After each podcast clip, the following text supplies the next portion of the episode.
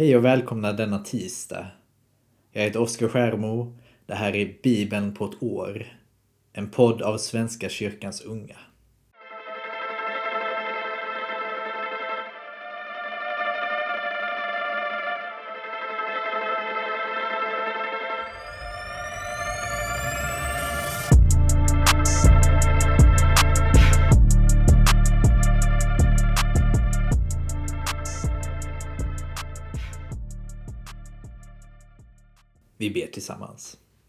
Tack Gud för denna tisdag.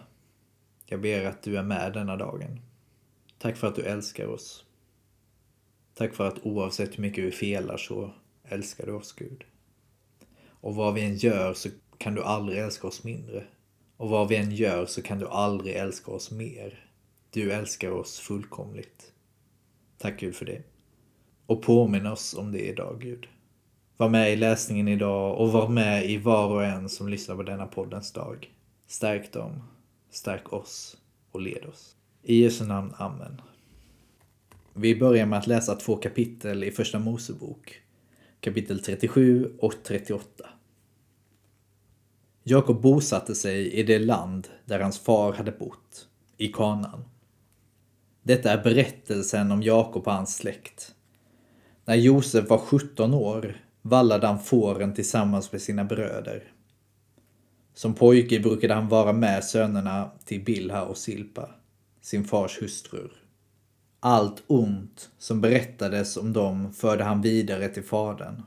Israel älskade Josef, mer än alla sina andra söner. Han hade ju fått honom på gamla dagar. Han hade låtit göra en fotsid dräkt åt honom. Men när bröderna såg att deras far älskade Josef mer än alla sina andra söner greps de av hat och kunde inte tala vänligt med honom. En gång hade Josef en dröm. När han berättade den för sina bröder blev deras hat ännu starkare. Hör vad jag har drömt, sade han. Vi var ute på åken och band kärvar och min kärve reste sig och stod upprätt. Och era kärvar ställde sig i en ring och bugade sig för min kärve. Då sade bröderna, ska du bli kung över oss? Ska du härska över oss? Och deras hat blev ännu starkare på grund av hans drömmar och hans prat. Sedan hade han en annan dröm som han berättade för sina bröder. Jag har haft en dröm igen, sade han. Jag drömde att solen och månen och elva stjärnor bugade sig för mig. Men när han berättade detta för sin far och sina bröder tillrättavisade fadern honom. Vad är det för en dröm? Ska vi komma och buga oss till jorden för dig? Jag och min mor och dina bröder? Bröderna retade sig på honom, men hans far kunde inte glömma vad han hade sagt. En gång när Josefs bröder var borta och vallade faderns får vid Shekem sade Israel till Josef. Du vet att dina bröder är med fåren vid Shekem. Och nu tänker jag skicka dig till dem. Ja, far, svarade han. Och Israel fortsatte. Se efter om allt är som det ska med dina bröder och med fåren och kom sedan tillbaka och berätta för mig. Och Israel skickade iväg honom från Hebrondalen. När Josef kom fram till Shekem och irrade omkring på fälten där mötte han en man som frågade Vad letar du efter? Jag letar efter mina bröder, svarade Josef. Kan du tala om för mig var de vallar fåren? Mannen sade De har gett sig iväg härifrån. Jag hörde dem säga att de skulle till Dåtan. Josef följde då efter sina bröder och fann dem i Dåtan. Bröderna såg Josef på långt håll och innan han kom fram till dem började de smida planer på att döda honom. De sade till varandra Titta, där har vi vår drömmare. Kom så dödar vi honom.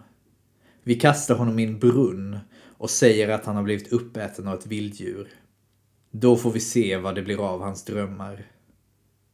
Men när Ruben hörde detta försökte han rädda honom från de andra och sade Nej, vi får inte slå ihjäl honom.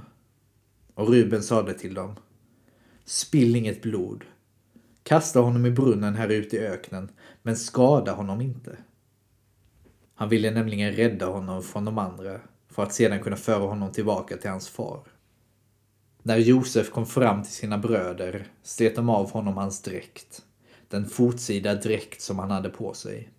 Sedan tog de honom och kastade honom i brunnen. Brunnen var tom, där fanns inget vatten. När de sedan hade slagit sig ner för att äta fick de syn på en karavan med ismaeliter. De kom från Gilead och deras kameler var lastade med ladanum, balsam och mastix som skulle föras ner till Egypten. Judas sade då till sina bröder. Vad har vi för glädje av att döda vår bror och tvingas dölja vårt brott? Kom så säljer vi honom till ismaeliterna. Då behöver vi inte bruka våld mot honom. Det är ju ändå vår egen bror.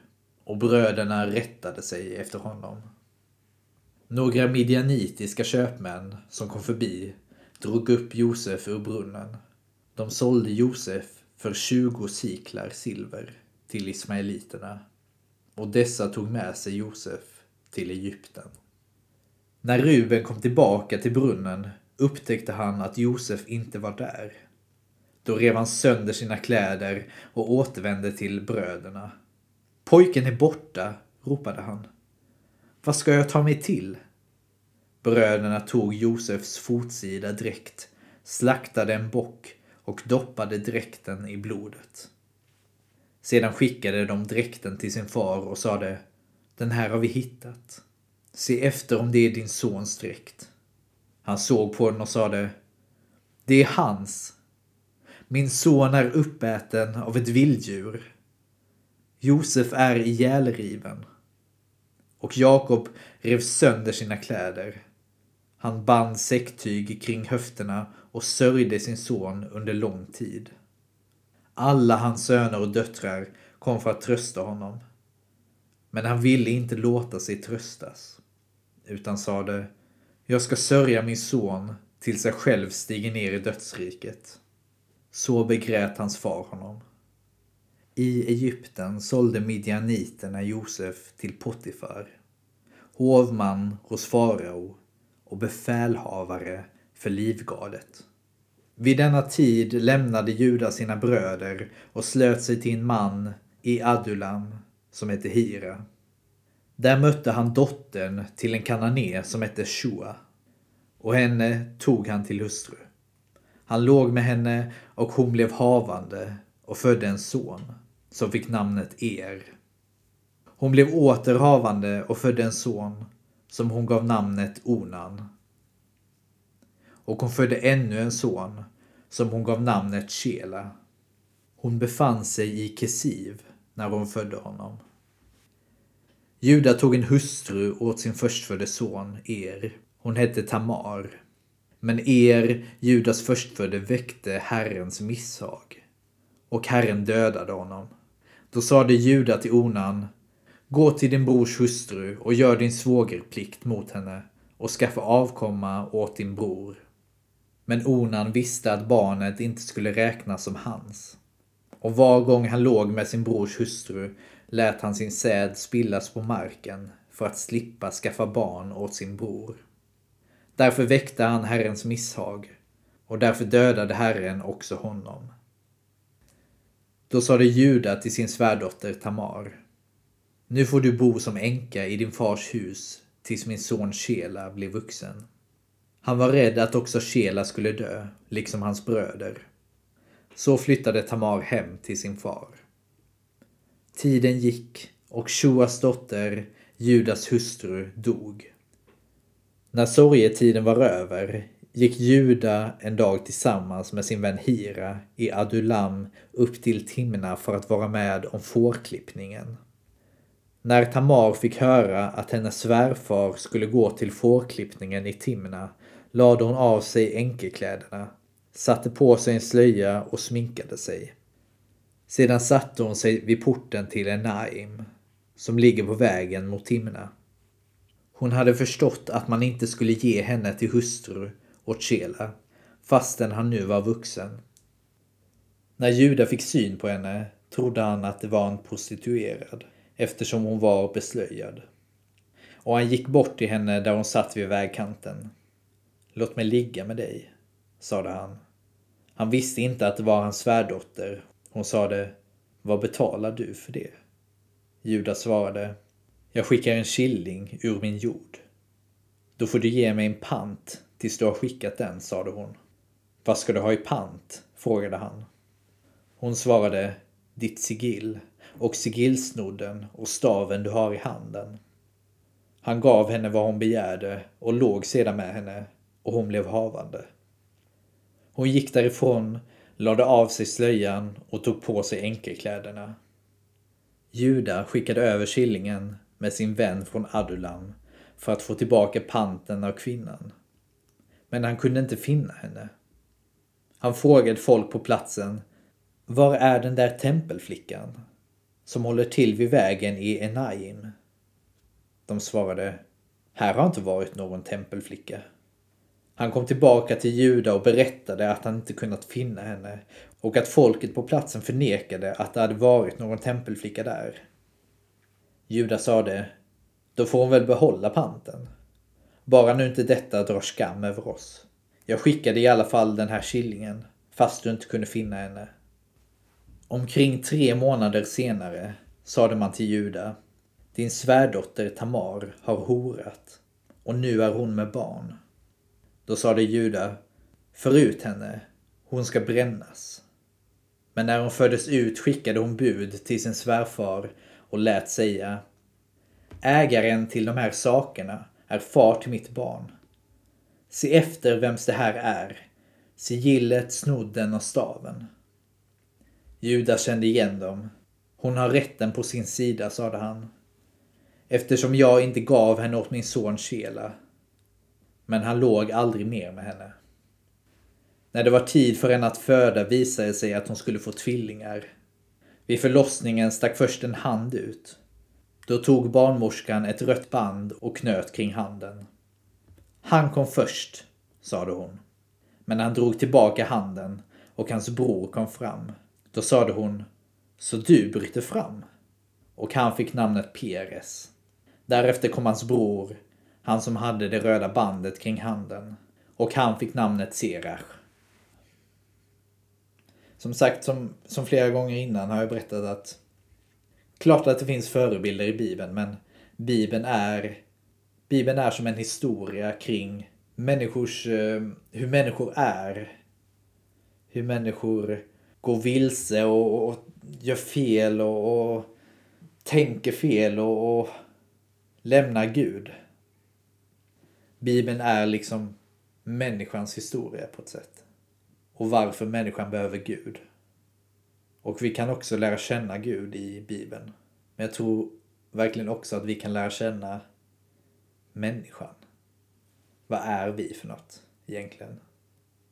Jo, vi begår stora misstag, vi gör stora övertramp, vi, vi dömer varandra. Och ändå så älskar Gud oss. I våra ögon är det helt ofattbart. Men Gud är Gud. Vi fortsätter i Matteusevangeliet kapitel 12, vers 22 till 45. Sedan förde man till honom, alltså Jesus, en besatt som var blind och stum. Och han botade honom, så att den stumme kunde tala och se. Och allt folket slogs av häpnad och sade, är han kanske Davids son? När fariseerna hörde det sade de, det måste vara med demonernas furste, Belsebul, som den mannen driver ut demonerna. Men han visste vad de tänkte och sade till dem, varje rike som är splittrat blir ödelagt. Och en stad eller en familj som är splittrad kan inte bestå. Och om Satan driver ut Satan splittras han. Hur ska hans rike då kunna bestå?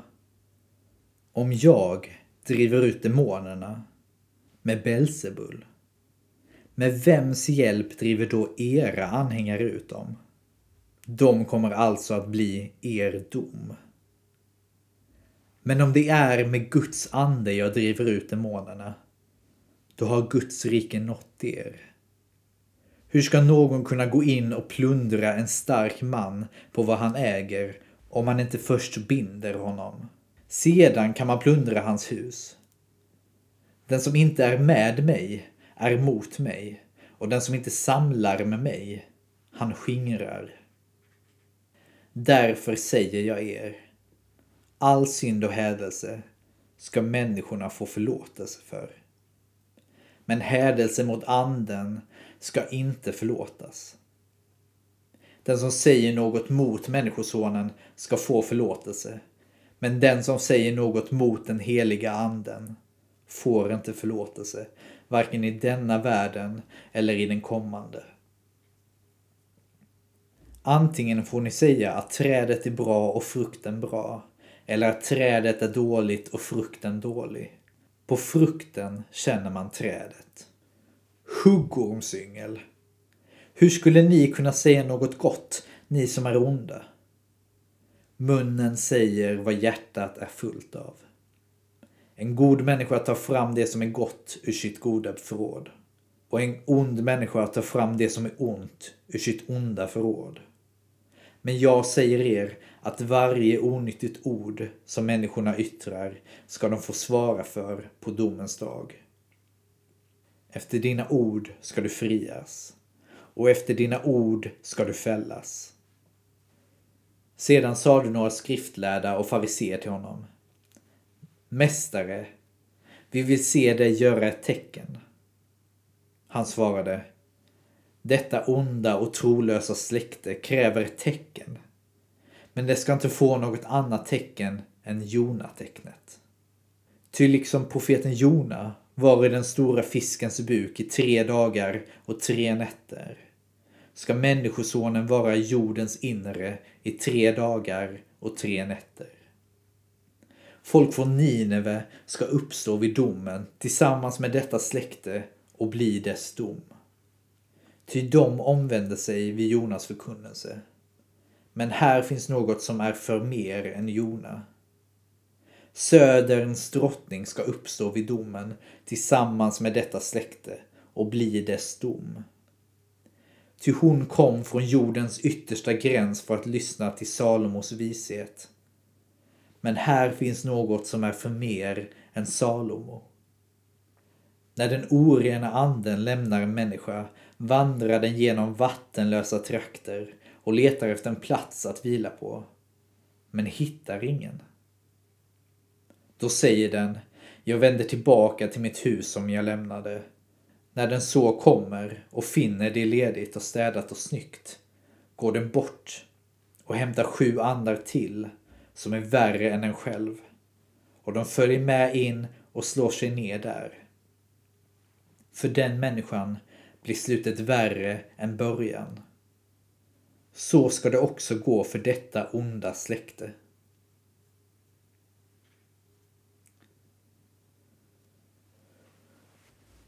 Vi fortsätter i Saltaren. Vi läser psalm 16. Ett kväde av David. Skydda mig, Gud, jag flyr till dig. Jag säger till Herren, min härskare, mitt högsta goda är du. Usla är de som hålls heliga i landet. Dessa väldiga vill jag inte veta av. Låt dem ha så många beläten de vill, de som åtrår andra gudar. Jag tar inte del i blodsoffren åt dem. Jag tar inte deras namn i min mun. Herren är min andel, min bägare. Du bestämmer mitt öde. En ljuvlig lott har tillfallit mig, ja, min arvedel finner jag skön. Jag vill prisa Herren. Han ger mig råd. Mitt inre förmanar mig om natten. Jag har alltid Herren inför mig. När han står vid min sida vacklar jag inte. Därför gläds mitt hjärta och jublar. Min kropp är i trygghet. Ty du lämnar mig inte åt dödsriket. Du låter inte din trogne se graven. Du visar mig vägen till liv. Hos dig finns glädjens fullhet. Ständig ljuvlighet i din högra hand. Och vi avslutar dagen med lite ordspråk. Kapitel 3, vers 27 till 32. Neka ingen en skälig gåva när det står i din makt att hjälpa. Om du har något, svara då inte din broder, kom tillbaka imorgon, då ska du få. Anstifta inget ont mot din broder som tror sig bo trygg i din närhet. Tvista inte med någon utan fog, med en som inte har gjort dig något ont. Avundas inte våldsverkaren. Slå inte in på de vägar han går. Herren avskyr den som är falsk, men de rättrådiga har hans vänskap. Det var allt för idag. Jag hoppas att ni har en underbar dag. Så ses vi imorgon igen. Ha det fint allihopa. Vi ses.